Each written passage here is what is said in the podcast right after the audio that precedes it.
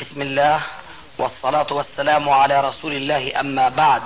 فهذا أحد أشريطة سلسلة الهدى والنور من الدروس العلمية والفتاوى الشرعية لشيخنا المحدث العلامة محمد ناصر الدين الألباني حفظه الله ونفع به الجميع. قام بتسجيلها والتأليف بينها محمد بن أحمد أبو ليلى الأثري. إخوة الإيمان والآن مع الشريط السابع والثمانين بعد المائتين على واحد. فلذلك أقول إذا كان هناك يعني علماء وكتاب يحسنون اختيار المواضيع التي تفيد المسلمين بعامة والأفغانيين هناك بخاصة ويحسنون الكتاب والبيان هذا أمر ضروري وهذا من الواجبات الكفائية التي إذا لم يقم بها أحد أثموا جميعا وإذا قام بها البعض سقط عن الباقين. أهل مكة كما يقال أدرى بشعابها فإن كان يوجد هناك حول أخينا في الغيب جميل الرحمن من يثق بعلمهم وبأقلامهم وبإخلاصهم فليتقدم ولا يلدغ المؤمن من جوع مرتين صحيح. لأن ذاك الرجل صار في خلاف بينه وبينه. لماذا؟ لأنه الظاهر ما في وحدة فكرية. صحيح. فهو عليه أن يستصفي ممن حوله أناسا. يكون قد اقتنع بأنهم متوحدين في المذهب وفي المشرب من جهة وأنهم قادرين على أن يكتبوا وأن يشرحوا للناس ما في نفوسهم من علوم يجب إظهارها. بالمناسبة شيخنا مجلة المجاهد هي ما فيها يعني الذي يكتب لها دائما وإنما هي تستفتي بالعلماء وبعض الدعاء وكذا السلفيين نعم. فما رأيكم يعني في المجلة بعمومها؟ مجلة المجاهد خاصة ومجلة البيان كذلك بالمناسبة.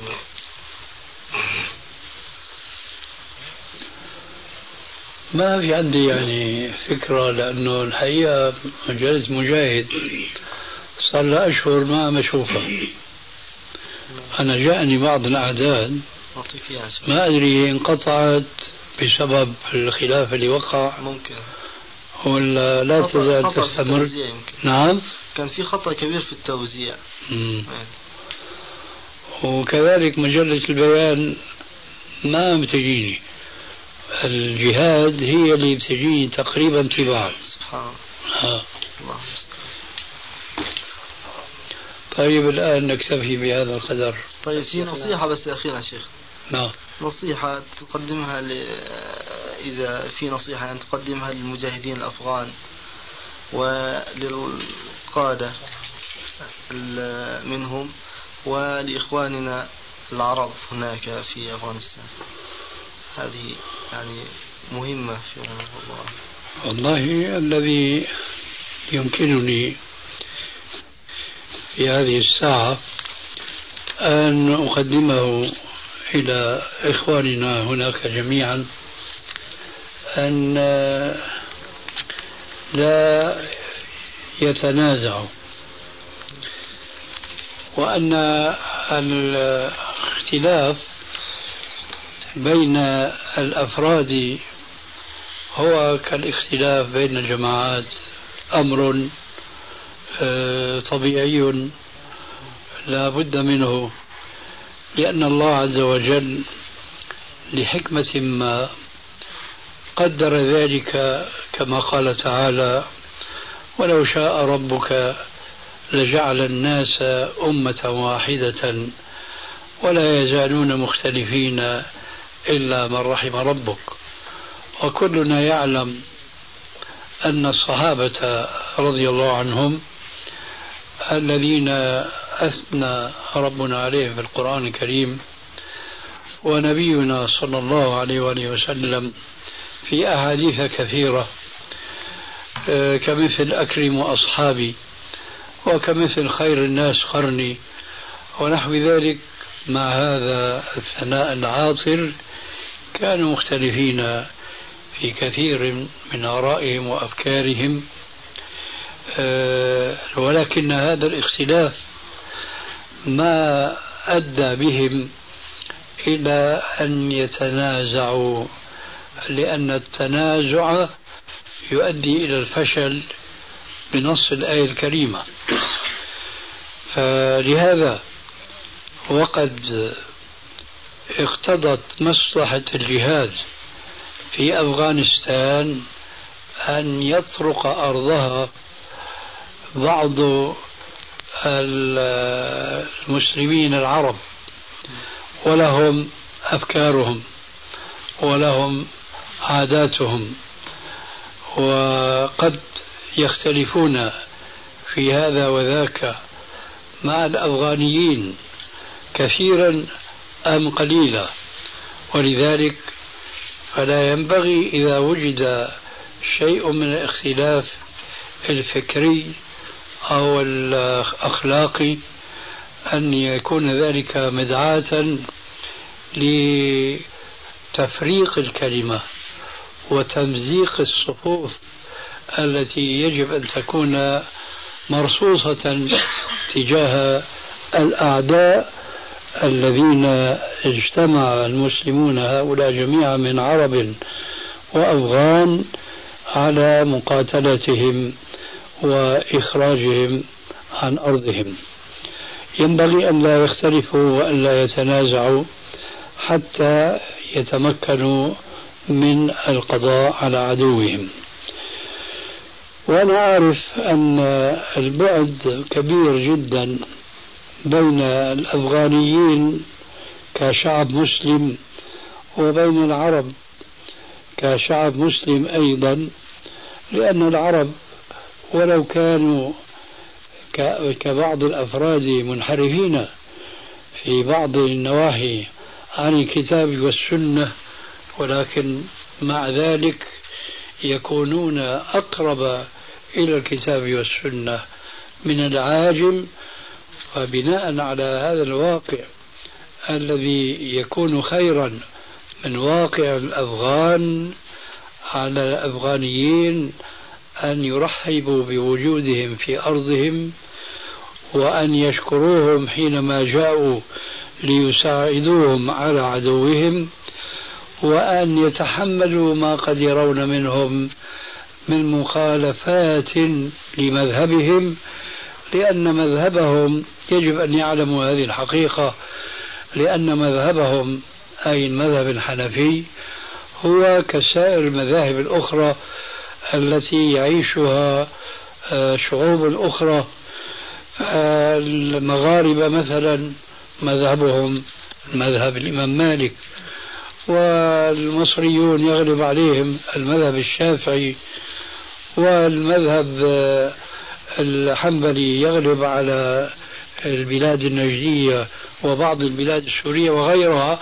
يجب أن يعلم أصحاب هؤلاء المذاهب كلهم أن كل مذهب من هذه المذاهب ليس وحيا من الله تبارك وتعالى على إمام المذهب فضلا عن أنه ليس وحيا على أتباعهم على مدى السنين الطويلة وإنما هي في كثير من الأحيان تكون اجتهادات. وآراء لبعض الأئمة المتقدمين أو المتأخرين بعضها صواب وبعضها خطأ فسواء كان صوابا أو خطأ فهم مأجورون في الصواب أجرين وفي الخطأ أجر واحدا. فلا ينبغي أن يتحمس كل مذهب كل أصحاب مذهب لمذهبه فتقع الفرقة وحينئذ لا يكونون متجاوبين مع قوله تبارك وتعالى ولا تكونوا من المشركين من الذين فرقوا دينهم وكانوا شيعا كل حزب بما لديهم فرحون. ولا شك أن عامة الشعوب لا يمكن أن نتصور أن وعي كل كل فرد منها كوعي كوعي الرؤساء القائمون عليها. ولذلك آه، أول من آه، ينبغي أن تتوجه هذه النصيحة إليهم وأن يرعوها حق رعايتها إنما هم الرؤساء الرؤساء القائمون على هذه الأحزاب الكثيرة. فإنهم كما قال عليه السلام كلكم راع وكلكم مسؤول عن رعيته فهؤلاء رؤساء الأحزاب هم المسؤولون عما قد يقع من الخلافات ومن الفتن بينهم لأنهم كان بوسعهم أن يحولوا بين هذه الفتن بماذا؟ بإشاعة ما يسمى بالتسامح المذهبي لا أعني أنا بالتسامح المذهبي ألا يهتم الإنسان بمعرفة الحق الموجود في المذاهب الأخرى وإنما أعني بالتسامح أنك إذا التقيت مع أخيك المسلم وجرى بينك وبينه خلاف ما في مسألة ما سواء كانت في الفروع كما يقولون أو في الأصول فتباحثتم في ذلك ثم بقي كل منكم على رأيه السابق متقيا ربه تبارك وتعالى خائفا من ربه غير متعصب إلا لما يبدو له أنه صواب. فألا يكون هذا البقاء كل على مذهبه سبب تنافر وتباغض وتدابر ويجب عليهم أن يكونوا كما في النص الكريم وكونوا عباد الله إخوانا. هذا ما يتيسر لي بهذه المناسبة. وسبحانك اللهم وبحمدك أشهد أن لا إله إلا أنت أستغفرك وأتوب إليك. إخوة الإيمان والآن مع مجلس آخر. سؤال الأخ فيما يبدو أنه يعني ما حكم الشرع في انتخاب الإسلاميين الذين رشحوا أنفسهم لمجلس الأمة الذي يسمى بالبرلمان؟ أنا وإن كنت ألاحظ أن مثل هذا السؤال والإنسان لا يسأل عادة إلا عما يهمه من أمر دينه. فينبغي أن يكون هذا السؤال قبل هذا الوقت. أما الآن فقد قضي الأمر الذي فيه تستفتيان. لكن لا بأس من أجل معرفة والعلم فنحن سئلنا مرارا وتكرارا عن مثل هذا السؤال قبل أن تنتهي القضية على ما انتهت إليه من نجاح كثير من الأفراد الإسلاميين. فكان جوابي حينما كنت أسأل على النحو التالي. وهو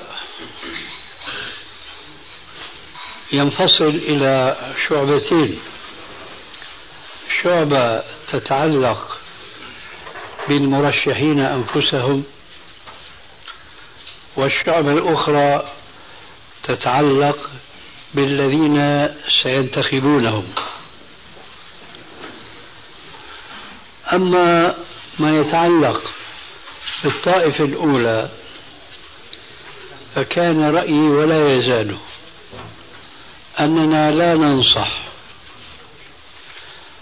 مسلما يخشى على نفسه قبل أن يخشى على غيره أن يرشح نفسه ليكون نائبا في المجلس ما دام أنه يعتقد أن هذا المجلس قائم على غير الإسلام وعلى القوانين والنظم الأوروبية.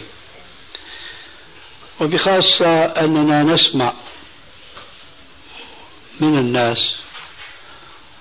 أن من النظام أن كل من نجح عضوا في البرلمان أنه لابد أن يحل يمينا غير شرعي هذا أقل ما يقال فيه. فإذا ففاتحة عمل هذا الناجح هو مخالفة الشرع. وهذه لا تبشر بخير. ونحن نعلم أن الذين يرشحون أنفسهم إنما يظنون أنهم سيستطيعون تطوير شيء من النظام الحاكم سواء ما كان منه قانونا أو دستورا. وفي اعتقادي التجارب البرلمانية في كل العالم الإسلامي لم ينجح المسلمون إطلاقا في تبريرهم هذا ليطرحوا أنفسهم أعضاء في المجالس البرلمانية. بل قد يكون الأمر يعود عليهم بضرر آخر غير الضرر الأول الذي ذكرناه آنفا من الحلف ليس لينصر الكتاب والسنة وإنما لينصر الحكم القائم. وهم يعلمون يقينا بأن هذا الحكم فيه أشياء مخالفة للشريعة وهذه الأشياء هي التي حملتهم أو زينت لهم أن يرشحوا أنفسهم أعضاء في البرلمان.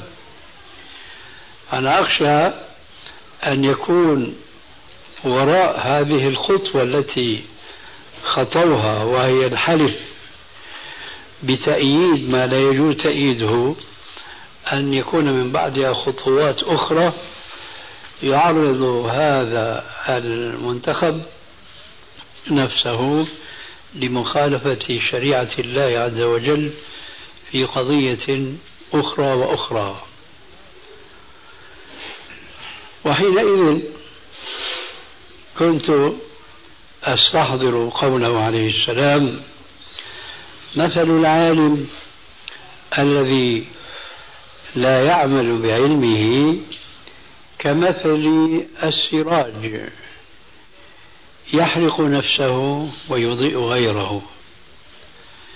الذين ينتسبون من الإسلاميين هم في خطر كبير جدا. بشارة الخطر هو ذاك اليمين. عاقبة الخطر يختلف اختلاف قوة إيمانهم وقوة شخصيتهم وثباتهم على دينهم وعقيدتهم وأخلاقهم ومبادئهم. أنا أقول مثلا وعليكم السلام ورحمة الله. هناك ظاهرة تلفت النظر مع احترامنا للمبتلين بهذه الظاهرة. نحترمهم لإسلامهم لا نحترمهم لظاهرتهم. هناك ظاهرة أن عامة المسلمين أو الإسلاميين الذين ينتسبون إلى البرلمانات إنما يكونون غير متزيين بزي الإسلامي فأكثرهم من حيث اللباس لا يلبسون اللباس العربي بل يعتبرون ذلك عارا أن واحد يدخل بجلابيته وقميصه للبرلمان يمكن هذه أول خطوة لو أراد أحدهم أن يفعلها أن يطرد من هذا المجلس لأن هذا مجلس قام, قام على النظام الأوروبي. هذه ظاهرة يقترن بها عادة مع احترامنا أيضا لأن الأرض مسكونة للإسلاميين أن هذول طائفتين أكثرهم حليقون ويعتبرون حلق اللحى هي من المدنية والقليل منهم ملتحون لكن لحيتهم ليست على السنة وإنما على المذهب العامي الذي يعبر عنه بعض العامة عندنا في الشام خير الذقون إشارة تكون. خير الذقون إشارة تكون. البعض من الإسلاميين الذين ينتمون إلى البرلمان قد يكونون ملتحين ولكن على هذا المذهب العامي خير الذكون إشارة تكون. الذي أريد أن أقوله قد يكون بعضهم قد وفر لحيته في حياته ما قبل البرلمان. فإذا ما دخل البرلمان يشذب منها ويأخذ منها حتى في زعمه يعني يتناسب وجوده مع الكثر الكاثرة في هذا المجلس.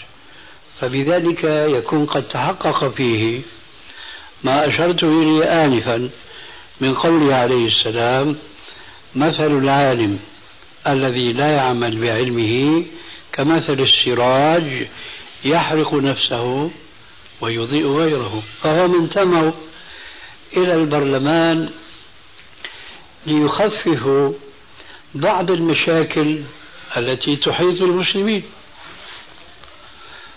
ولكن كما قيل قديما وليستقيم الظل والعود أعوج. إذا كان الدستور لا يساعد أهل البرلمان على آه، تقويم معوجة من الأحكام فسيظل الأمر كذلك. لذلك نقول لا ننصح مسلما أن يرشح نفسه لأن العاقبة من حيث شخصه سيكون أنه يخسر شيئا مما كان كاسبا له في حياته العادية. ومن حيث الآخرين الذين رشحوه فسوف لا يفيدهم شيئا فيما يتعلق بدينهم قد يفيدونهم فيما يتعلق بدنياهم وحينئذ لا فرق بين أن يكون هذا المرشح إسلاميا أو غير إسلامي لأنهم كلهم يرشحون من يظنون بأنه أو بأنهم سيكونون آه، قضاة لحوائجهم ومصالحهم. أما القسم الثاني وهم الذين ينتخبون هؤلاء فنقول هؤلاء عليهم أن يطبقوا قاعدة شرعية وهي أن المسلم إذا وقع بين شرين وجب عليه أن يختار أقلهما ضررا أقلهما شرا.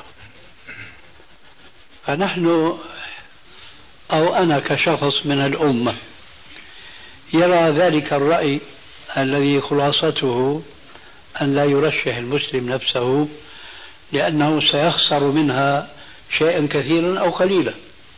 ولكن نحن يجب أن نعالج هذا الواقع على عجله ومجله فإذا تقدم جماعة من الإسلاميين ورشحوا أنفسهم وفي مقابلهم ناس إما مسلمين غير ملتزمين أو ليسوا بمسلمين وقد يكونوا من المسلمين مرتدين عن دينهم.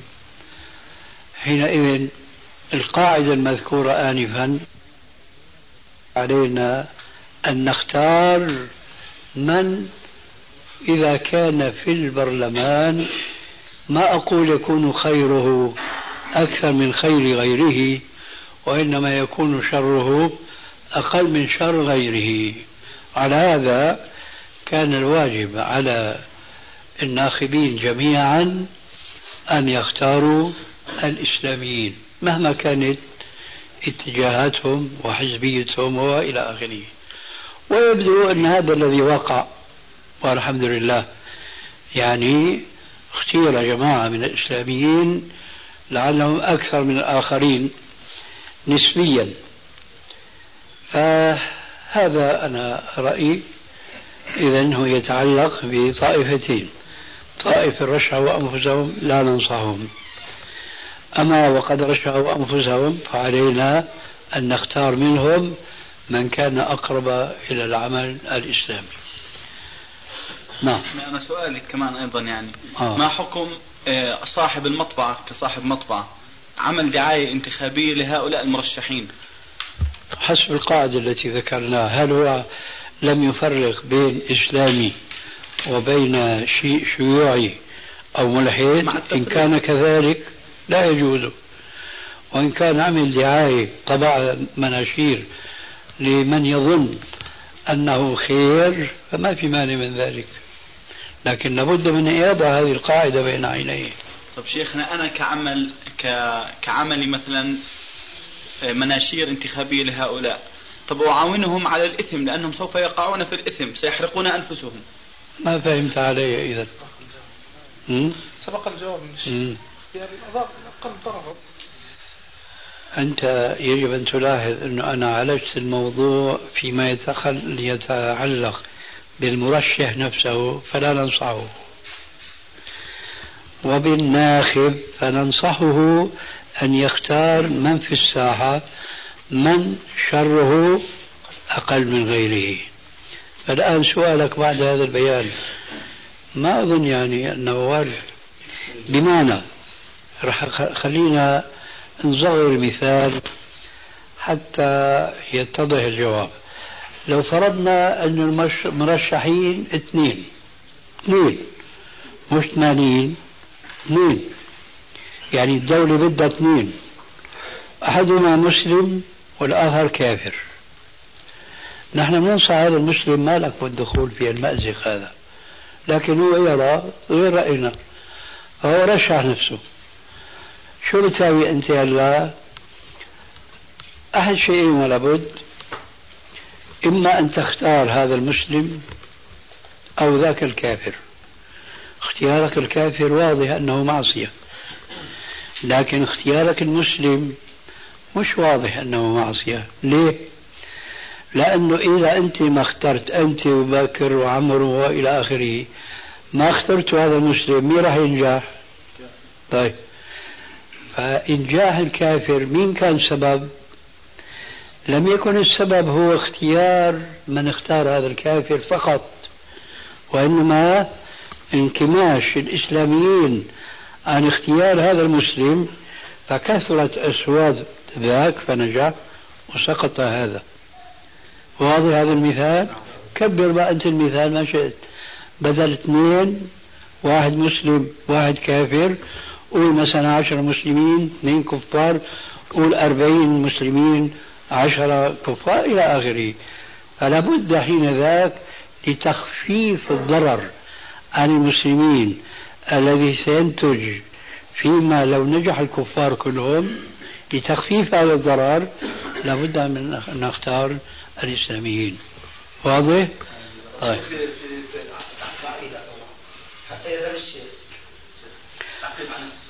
تفضل.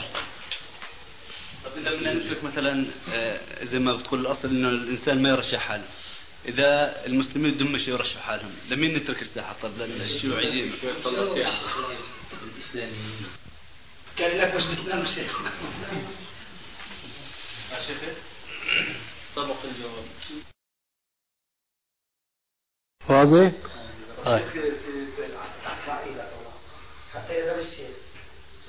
حتى تفضل مثلا آه، زي ما بتقول الأصل إنه الإنسان ما يرشح حاله. إذا المسلمين بدهم مش يرشحوا حالهم؟ لمين نترك الساحة؟ طب للشيوعيين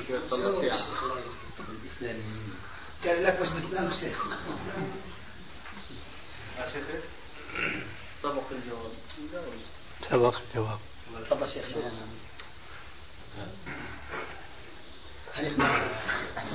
ما قولكم في من يفسح المجال للمرشحين كلهم على تنوع اتجاهاتهم وأفكارهم ليبث دعاياتهم الانتخابية في بيته أو دكانه؟ دون تفريق بين مسلم وكافر؟ يعني غالبا. ليش غالبا هذه؟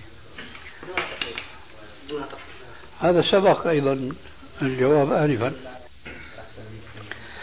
لا يجوز اختيار الكافر على المسلم ولا يجوز الدعاية له ولو كان كما قلت إنه يدعو للجميع فهو يساعد الكفار ولا يجوز أي مساعدة. مسلمين فساق ومسلمين مكذبين ما يجوز هذا إلا أن يختار الصالح. نعم. ما, ما تخوفوا آه. بالنسبة لسؤال سؤال صريح بالنسبة لترشيح النساء هل كان هناك على في الأصول يعني على عهد القرن الأول بشيء أو بآخر ترشيح المرأة للعمل كقائدة أو كما يعني مثل نادية بوشناق أو غيرها من المرشحات تقول أنه كان على عهد الصحابة من كان هناك يضمد الجرحى ويسعف الجرحى ويقاتل. إلا انزلي في المعركة وضمد الجرحى إلا انزلي في المعركة واضمد الجرحى لا يوجد لا يوجد. لكن الشيء الذي قد يذكر وعليكم السلام وبركاته.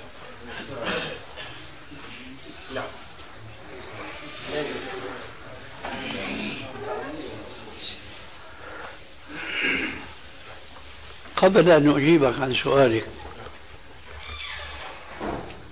يجب أن نذكر أن هذا النظام كله يعني نظام الانتخاب هذا ليس إسلاميا. حتى لو لم يكن هناك إلا الإسلاميين.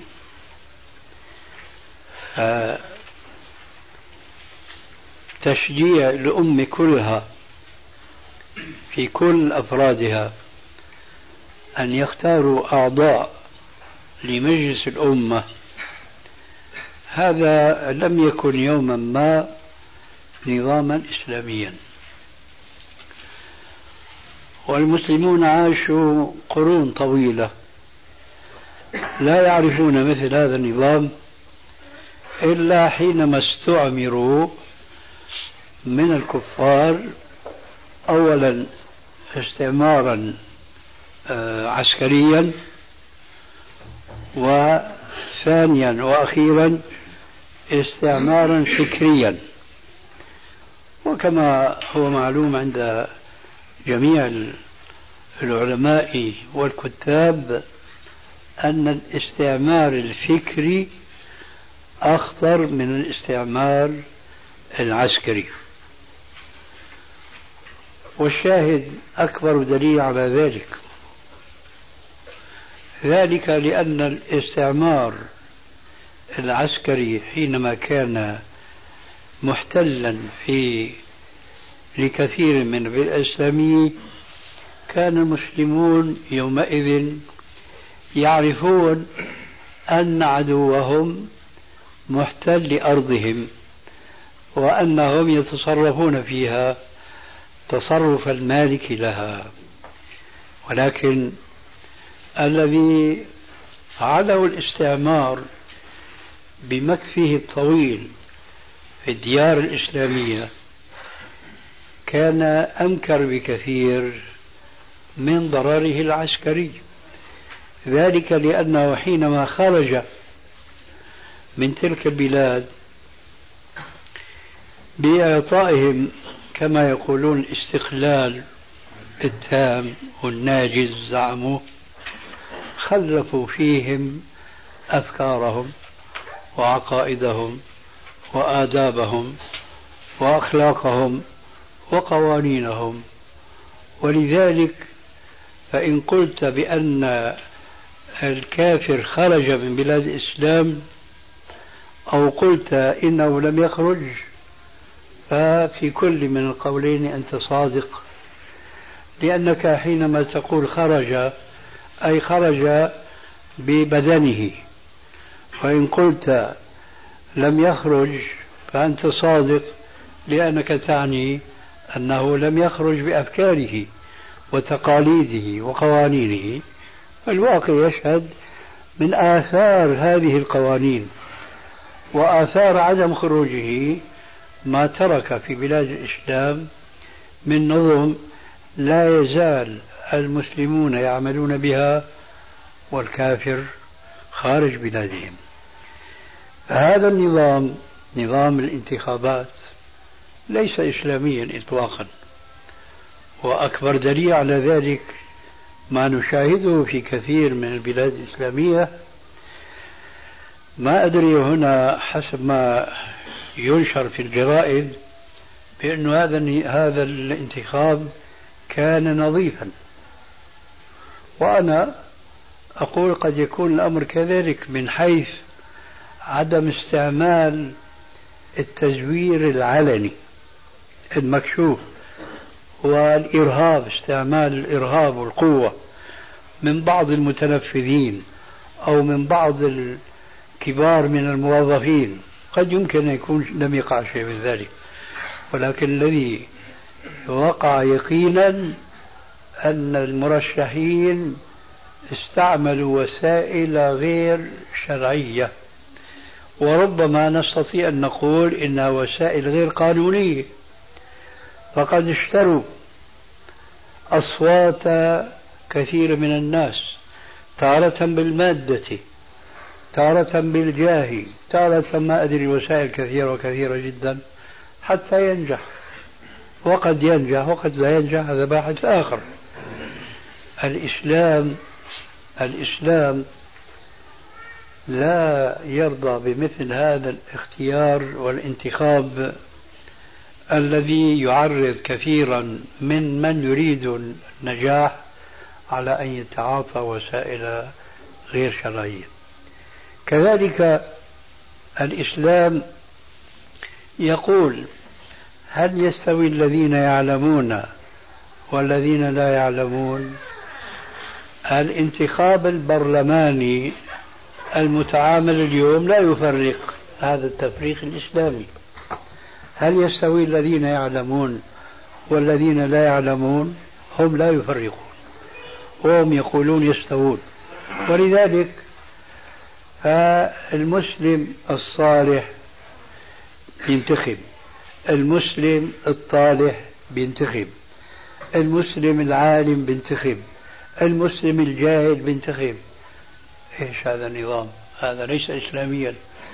فقد يجتمع طائفة كبيرة جدا من جهال المسلمين فيختارون فردا منهم. فماذا ماذا يفيد هذا الفرد وجوده في مجلس الأمة؟ لا شيء. إذا كيف كان الأمر في العهد الأول؟ ونسيت أن أقول أنه ليس فقط أنه يرشح الذكر بل والأنثى أيضا. كل هذا ليس نظاما إسلاميا. كيف كان الأمر سابقا؟ كان الأمر يعود إلى الخليفة المسلم هو يختار مجلس الشورى. وبلا شك هؤلاء المختارون لمجلس الشورى لا يلاحظ فيهم سوى أما الإسلام فالبلد إسلامي فما في حاجة لذكره. لا يلاحظ فيهم غير أن يكونوا أولا صالحين وأن يكونوا من العلماء العاملين بعلمهم وثالثا وأخيرا أن يكونوا أصحاب رأي وفكر.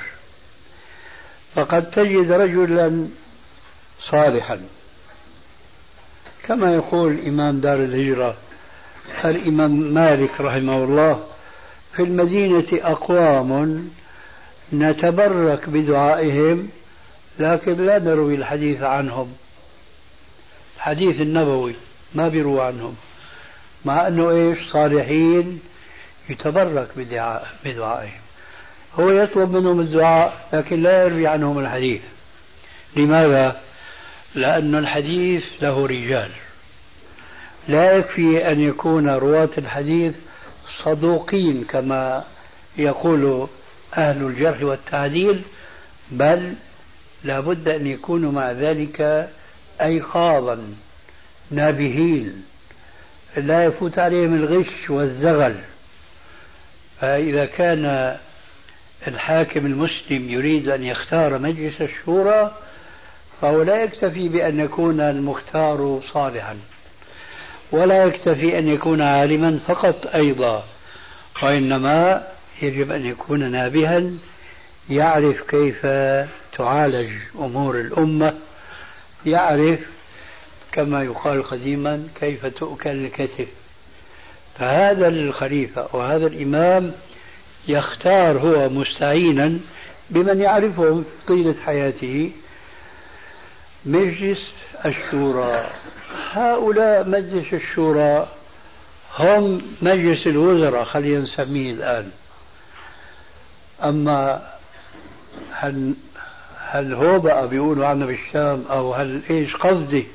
من كل أفراد الشعب ليختاروا ثمانين شخصا أو أقل أو أكثر حسب عدد نفوس الإقليم. هذا لم يعرفه المسلمون طيلة القرون الطويلة وإنما أخذوه كما قلنا آنفا من قبل المستعمرين لهم. هل كان في مجلس الشورى نساء في ذاك الزمن؟ لم يكن.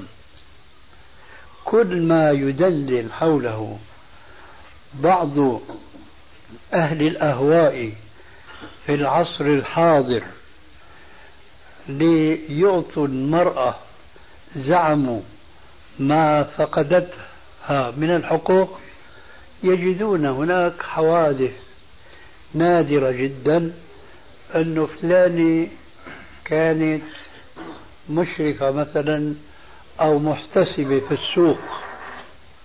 يوجد مثل هذه الروايات بغض النظر عن كونها صحت أو لم تصح لأن قلم التحقيق لم يكلف بعد بإجراء مثل هذا التحقيق لكن كتاريخ يروى هذا. لكن هذا مع قلته وندرته ليس له علاقة بالانتخاب والترشيح في مجلس الشورى. فمجلس الشورى في الإسلام لا يمكن أن يكون فيه من النساء وبخاصة أن النبي صلى الله عليه وآله وسلم قال ما أفلح قوم ولوا أمرهم امرأة. فلذلك ما يغرك إذا سمعت بعض الروايات أنه كان في هناك بعض النساء ومثل ما قلت أنت أنه كانوا يداووا الجرحى والمرضى وإلى آخره هذه لظروف طارئة وعارضة.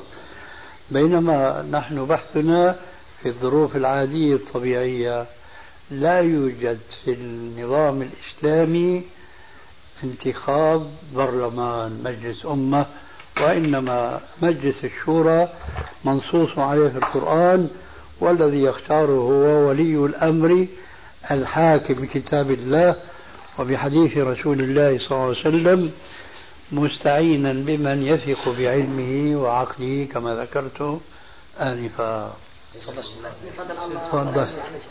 يجوز الواحد يروح يعيش في بلاد الكفار أو مثلا في عندك ولايات إسلامية تحت حكم الكفار. ممكن الواحد مثلا يروح من هون يعيش هناك؟ لا. في بعض الناس بيفكروا مثلا. لا ما يجوز. ما بيجوز. هذا من الخطأ الشائع في هذا العصر الحاضر.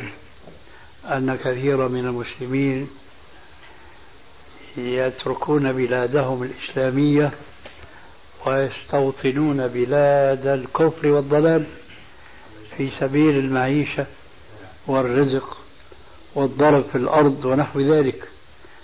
هذا في أحاديث كثيرة وتكلمنا عليها مرارا وتكرارا. فالرسول صلى الله عليه وسلم نهى المسلم أن يعاشر ويساكن المشركين فقال عليه الصلاة والسلام من جامع المشرك فهو مثله. من جامع أي خالط. من خالط المشرك فهو مثله. لماذا؟ لأن الطبع سراق. الطبع سراق ولص يعني لا يشعر صاحب ذاك الطبع بأنه يتأثر وبأن طبعه يسرق من عادات تلك البلاد التي يحياها ويعيش فيها. ولقد ضرب رسول الله صلى الله عليه وسلم ذلك المثل الرائع لمن يجالس الصالح أو الطالح. فقال عليه السلام مثل الجليس الصالح كمثل بائع المسك إما أن يحذيك وإما أن تشتري منه وإما أن تشم منه رائحة طيبة. ومثل الجليس السوء كمثل الحداد إما أن يحرق ثيابك وإما أن تشم منه رائحة كريهة. فإذا الذي يجالس الكفار أقل شيء حيشم منهم رائحة كريهة. ولو آه، يغتسلوا كل يوم بالعطور شيخ هو في شعب مسلم مثلا تحت حكم الكفار يعني زي الاتحاد السوفيتي في شعوب إسلامية. في عندنا بعض الناس مثلا بحبوا يروحوا هناك على أساس إنه الشيوعية إلى زوال هناك يعني وتأملوا إنه يكون في معيشة كويسة. اولا حينما تزول الشيوعية وهذا لا يكفي. فإذا شاء أن يعود إلى بلده عاد لكن ليس لأنه بلده وإنما لأنه يجوز للمسلم أن يسكن بأي بلد إسلامي. فلا فرق حين ذاك إذا زالت الشيوعية وعادت البلاد بلاد إسلامية. ولا يمكن بطبيعة الحال أن نتصور بأن الشيوعية إذا انكمشت أو انخلعت من تلك البلاد أنها عادت طفرة إلى الحكم بالإسلام. هذا بعيد جدا.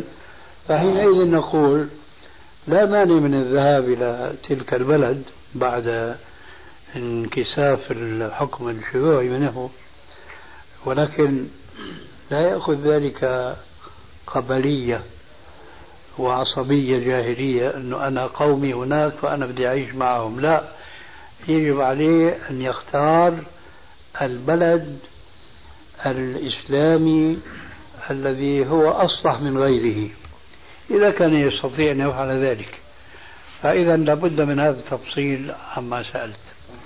يدعو هناك يعني يعني ينشر الإسلام بين الناس. يظهر دينه معليش هذا كل كل يا أخي كل سؤال له جواب. أنت أول ما سألت يريد أن يذهب هناك. لا بتقول يذهب يدعو.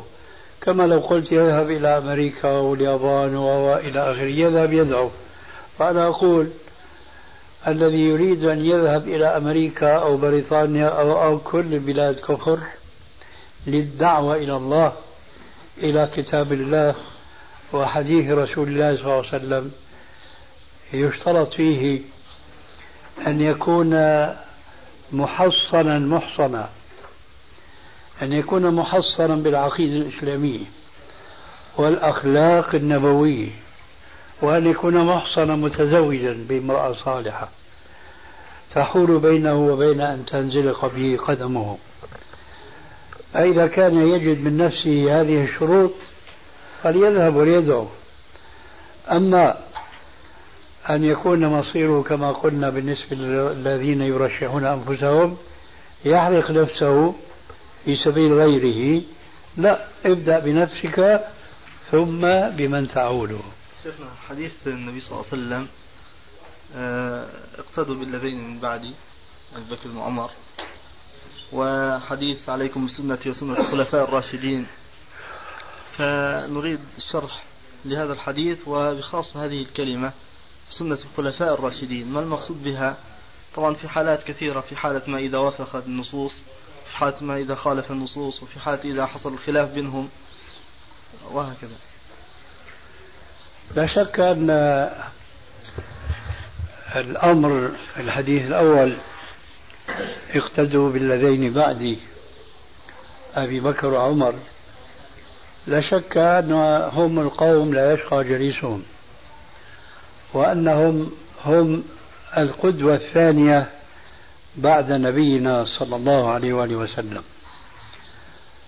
والسبب في ذلك واضح جدا لكل من يعرف تاريخ هذين الرجلين العظيمين حيث كان أقرب الناس إلى النبي صلى الله عليه وآله وسلم آه، ابتداء واتصالا به وتعلما منه.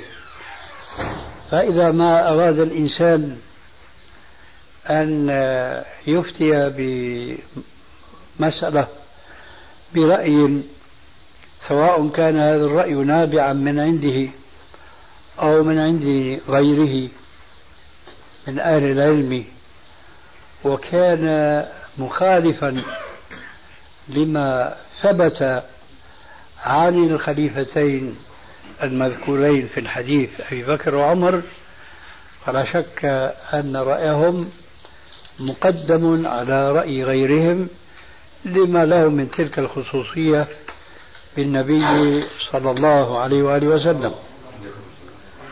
ويرحمك الله.